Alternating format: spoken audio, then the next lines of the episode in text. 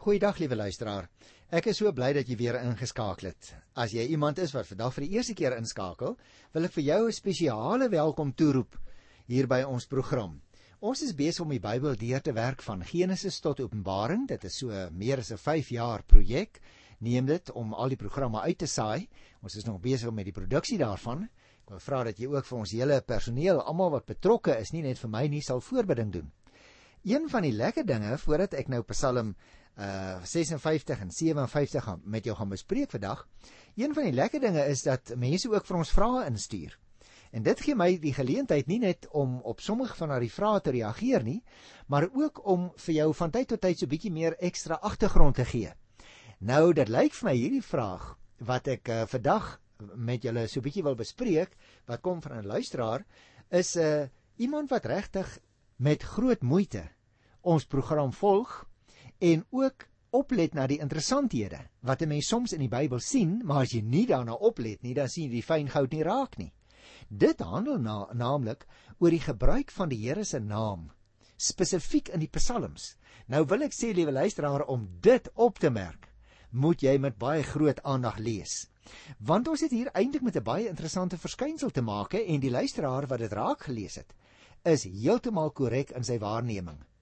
Daar is verskillende name wat natuurlik vir die Here gebruik word in die Bybel. En ook in die Psalms is dit so. Mense sien dit eintlik duideliker raak in die Hebreëse teks, naamlik die naam of die woord wat ons in Afrikaans vertaal met Here is in Hebreëus Jahwe. En die ander een wat dikwels in die Psalm voorkom is God, naamlik in die Hebreëse taal Elohim. Met ander woorde, hierdie twee terme kom heel dikwels in die psalms voor, naamlik Here of Jahwe en Elohim of God. Om die waarheid te sê, ek het so 'n bietjie nageslaan. Nadat ek die vraag gekry het, Psalm 1 tot 41 kom die naam Jahwe 272 keer voor en die woord Elohim, dit wil sê God, 15 keer. As jy verder blaai, Psalm 42 tot 83, is die getalsverhouding net mooi andersom. Here kom 43 keer voor en God 206. In die laaste klompie psalms 84 tot 150 kry jy die naam Here 362 keer en die woord God net 'n enkele paar keer naamlik 13 keer. Nou, liewe luisteraar, dat iets langs die pad, as ek dit so mag uitdruk, dat iets langs die pad gebeur het om die verskil in gebruik te veroorsaak, word baie duidelik as ons verskillende psalms vergelyk, veral in Hebreëse taal en die terminologie wat in die Hebreëus voorkom, optel in getalle, dan is daar definitief 'n verskil.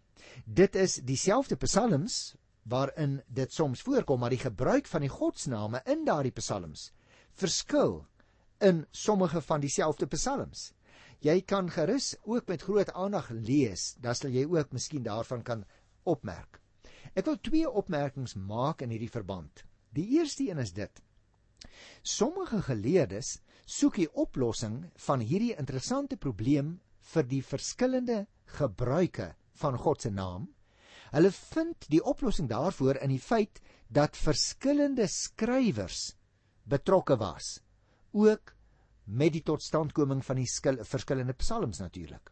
Ons probleem egter daarmee, liewe luisteraar, is dat ons geen gegevens het om die gebruiksvoorkeur van 'n spesifieke godsnaam aan 'n bepaalde groep of kring te verbind nie en dat albei die name Here en God te alle tye die een ware God van Israel aandui. So dit is baie moeilik om dus te sê die oplossing lê in die feit dat sekere van die auteurs van die psalms net 'n sekere naam gebruik het en ander het 'n ander naam gebruik want die name is afwisselend gebruik. 'n tweede opmerking. En dit lyk my na 'n meer aanvaarbare voorstel naamlik dat die latere neiging om die gewyde naam Here dit wil sê Jahwe in Hebreëus vir 'n meer algemene aanduiding van God te vervang sy wortels reeds in die tyd van die ontstaan van die Psalmboek gehad het. Kom ek sê dit anders want dit mag dalk vir jou moeilik klink. Die naam wat jy en ek uitspreek, God, is nooit deur 'n ortodokse gelowige uitgespreek nie. Selfs al staan daar op die manuskrip voor hom God, dan spreek hy dit steeds uit as Jahwe, omdat hy meer respek gehad het vir die naam God. Nie dat hy geen respek gehad het vir die naam Jahwe of soos dit soms ook genoem word Jehovah nie, maar dit was 'n meer algemene naam Daarom lyk dit vir my 'n mens kan dalk in hierdie rigting begin dink om te sê sommige van die psalms het later eers ontstaan. Toe die naam God soms wel meer algemeen uitgespreek is en nie uh op sig waarde vervang is met 'n uitspraak Jahwe nie. Ons uiteindelike gevolgtrekking, mag jy nou vra, wat is dit? Sou ek sê is dat ons nie met sekerheid weet waarom die godsname so verskillend in die psalms gebruik is nie. Nou mag jy sê, liewe luisteraar, nou gee ek jou dan 'n baie dom antwoord. Maar nou ja, ek weet nie presies wat die rede uiteindelik is nie en ons gevolgtrekking is dus ons uh vind heel waarskynlik dat mense die name afwisselend gebruik het en daar is nie 'n spesifieke rede hoekom die een uh, meer gebruik word as die ander nie.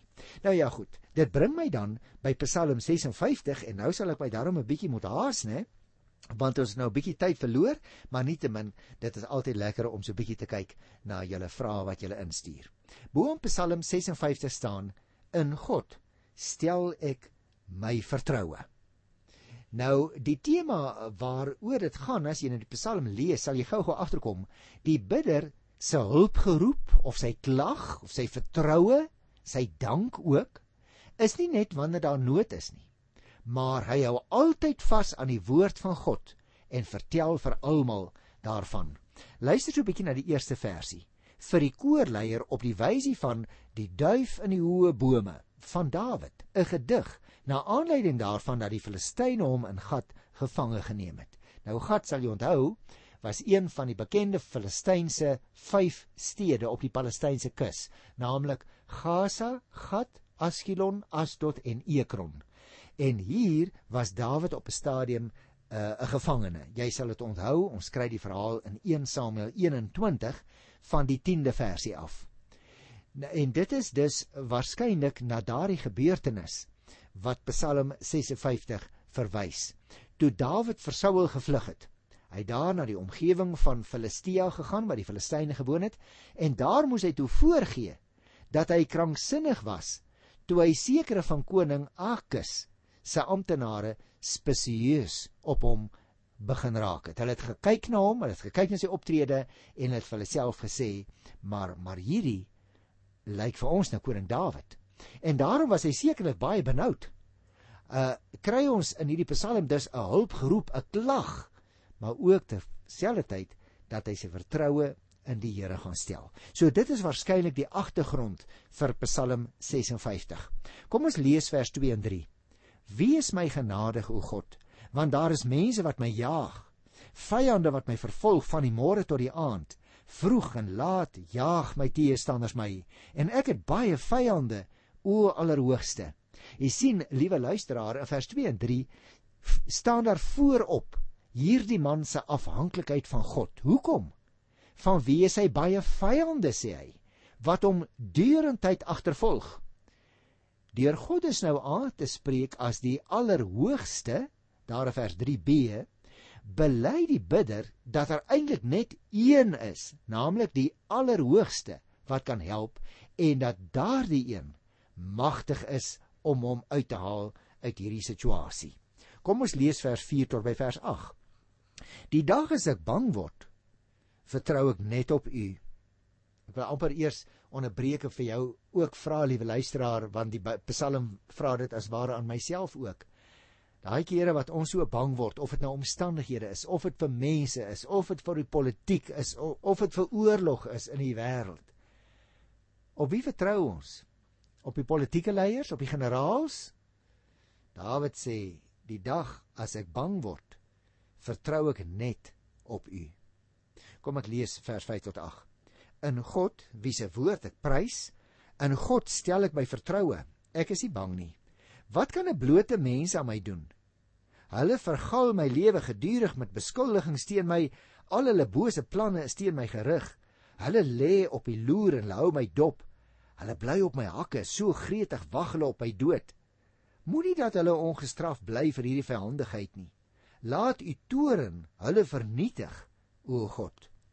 Nou dit is weer van daardie ou uitsprake wat ek al 'n paar keer na verwys het en vir jou daarop gewys het dat waar die bidder in die Ou Testamentiese tyd die oordeel van God afpleit op sy teestanders op sy vyande, dit adem so bietjie 'n ander atmosfeer as die Nuwe Testament, maar dit is omdat ons in 'n totaal ander kultuurhistoriese situasie en agtergrond van die Bybel in die Ou Testament is as wat ons in die Nuwe Testament is, dan het daar ook al baie ander insigte gekom by mense ook in ander kulture. Dit lyk dus vir my hier in vers 4 tot 8 moet ons raak sien dat teenoor sy vertroue in God staan nou die bidder se vyande. En hy as bidder bly maar net 'n blote mens. Jy sien liewe luisteraar, die goddeloses in hierdie verse span elke moontlike wapen in om die bidder se dood te bewerk. En daarom kan net God hom van hulle verlos. Interessant ook in die 8ste versie spreek die bidder die Here direk aan in die vorm van 'n vraag en in die vorm van 'n oproep. Kom ek lees dit net weer vir jou. Vers 8, Psalm 56. Moenie dat hulle ongestraf bly vir hierdie vyhandigheid nie. Laat u toren hulle vernietig, o God. En dan kom ons by vers 9 tot by vers 12. My ellende het nie ongemerk by u verbygegaan nie. U het op my trane gelet. In u boek staan hulle almal opgeteken. Die dag wanneer ek na u roep om hulp, val my vyande terug. Dit weet ek. God is aan my kant. In God, wie se woord ek prys, in die Here, wie se woord ek prys. In God stel ek my vertroue. Ek is nie bang nie. Wat kan 'n mens aan my doen? Jy sien hy vra vir die tweede keer nou hierdie vraag in dieselfde Psalm. Die bidder se vertroue is dus nie te vergeefs nie. God het uitkoms gegee. Dit het ons in vers 9 al gesien. En hier word nou 'n baie interessante opmerking bygevoeg, naamlik dat God die martelare se lyding in 'n boek opteken. Mens kry dieselfde gedagte, sal jy onthou by die boek Job, die 14de hoofstuk by vers 17. Verder val dit my ook op dat die bidder beklemtoon sy vertroue in sy geloof. Maar dis nie maar 'n geleentheidsvertroue nie, hoor. Hy hou vas aan die woord van God. Hy vertel ook vir ander hoe goed dit is om aan die woord van die Here vas te hou. Met ander woorde, teenoor God se woord staan die mense met hulle woorde. Hulle woorde is egter niks werd nie, want dit is vals en dis verneig. Luister na vers 13 en 14. Ek moet my geloftes aan U nakom, o God. Ek wil U met dankoffers betaal, want U het my van die dood gered, my voet nie laat struikel nie en met God by my kon ek my pad aanhou loop en die lewenslig bly sien. Jy sien, na die verlossing moet 'n mens die Here dank vir sy hulp. Moet jy betaal wat jy beloof het. staan so duidelik in die 13de vers. Die Here het hierdie man immers van die dood gered. Interessant in die Nuwe Testament Romeine 8 vers 13 deel Paulus ook die oortuiging van hierdie bidder waar hy sê God is vir ons. Wie kan teen ons wees?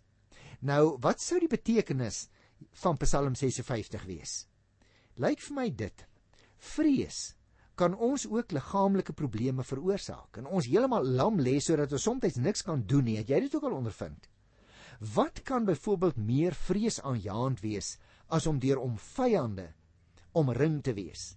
Jy sien luisteraar, die digter het hierdie situasie geken. Hy gee vir ons 'n paar wenke.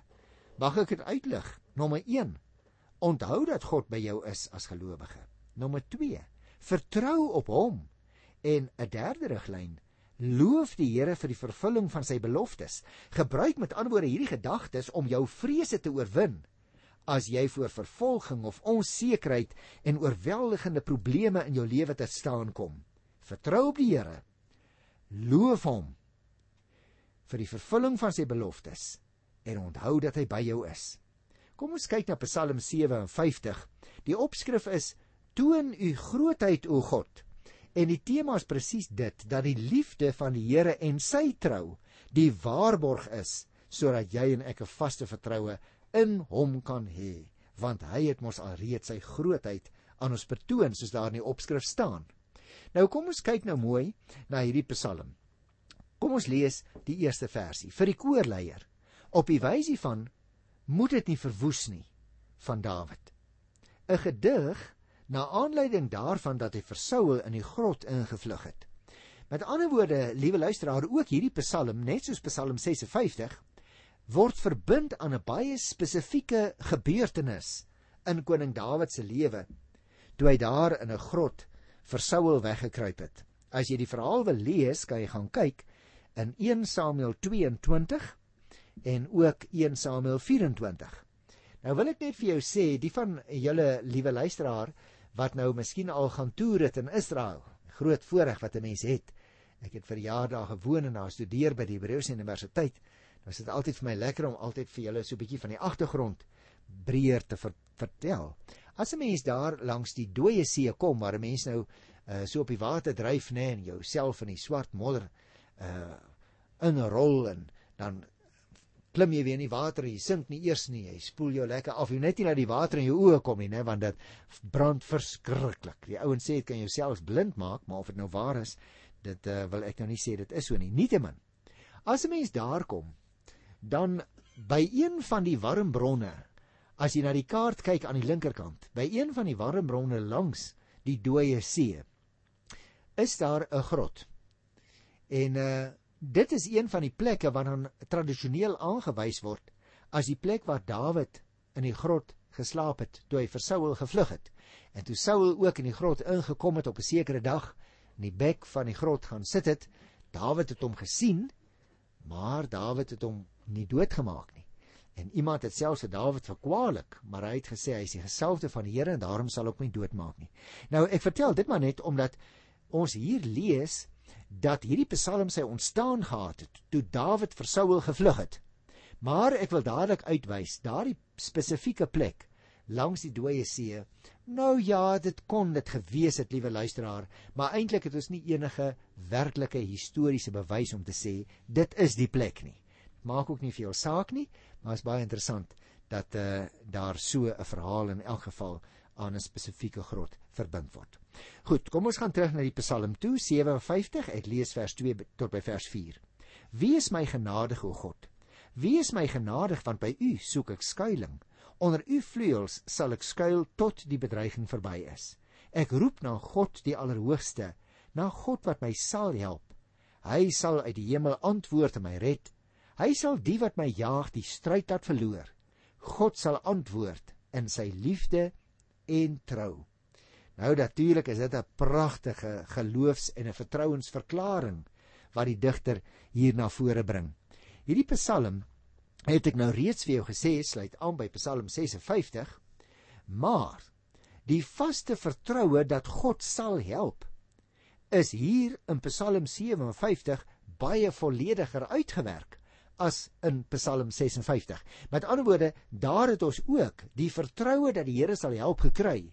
Maar hier werk die digter dit baie verder uit.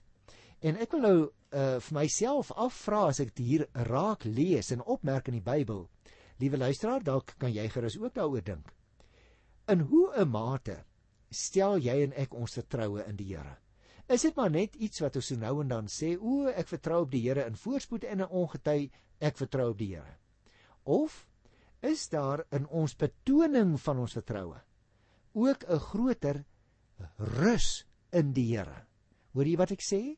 Ek bedoel met ander woorde dat ons nie net woorde sal praat nie, maar dat dit sal blyk in elke omstandigheid, selfs al sou ons dit nie uitspreek in woorde nie, dat ons ruspunt in die Here is. Jy sien die Here se liefde en sy trou wat ons dan hier kry ook in die laaste gedeelte van vers 4. Ek lees dit net weer, luister. Hy sal uit die hemel my antwoord en my red. Hy sal die wat my jaag, die stryd uit verloor. God sal antwoord in sy liefde en in sy trou. Met ander woorde, hy vertrou nie net die Here nie, maar sy optrede wys ook dat hy regtig vashou aan daardie eenvoudige wete die Here gaan my uit hierdie situasie waarin ek vir die koning moet vlug gaan hy my verseker los. Kom ons kyk nou by vers 5 tot by vers 12. Ek is hier tussen leeu's. Kyk hoe beskryf hy sy teestanders nie. Hy sê ek is hier tussen leeu's, tussen mense wat my wil verskeur. Hulle tande, spiese en pile, hulle tonge is skerp swaarde. Toon u grootheid, o God, hoog bo die hemel, u mag hoog bo die aarde. Hulle het 'n struik vir my voet gespan. Hulle wou my breek. Hulle het 'n gat vir my gegrawe, maar self daarin geval. Ek voel weer veilig, o God. Ek voel weer veilig. Ek wil 'n lied sing. Ja, ek wil sing. Ek wil vroeg opstaan met harp en lier wil ek die rooi dag wakker maak. Onder die volke wil ek U loof, Here. Onder die nasies U lof besing, want U liefde reik tot in die hemel, U trou tot in die wolke. Toon U grootheid, o God, hoog bo die hemel, hoog bo die aarde. U mag. Is dit nie pragtige woorde nie?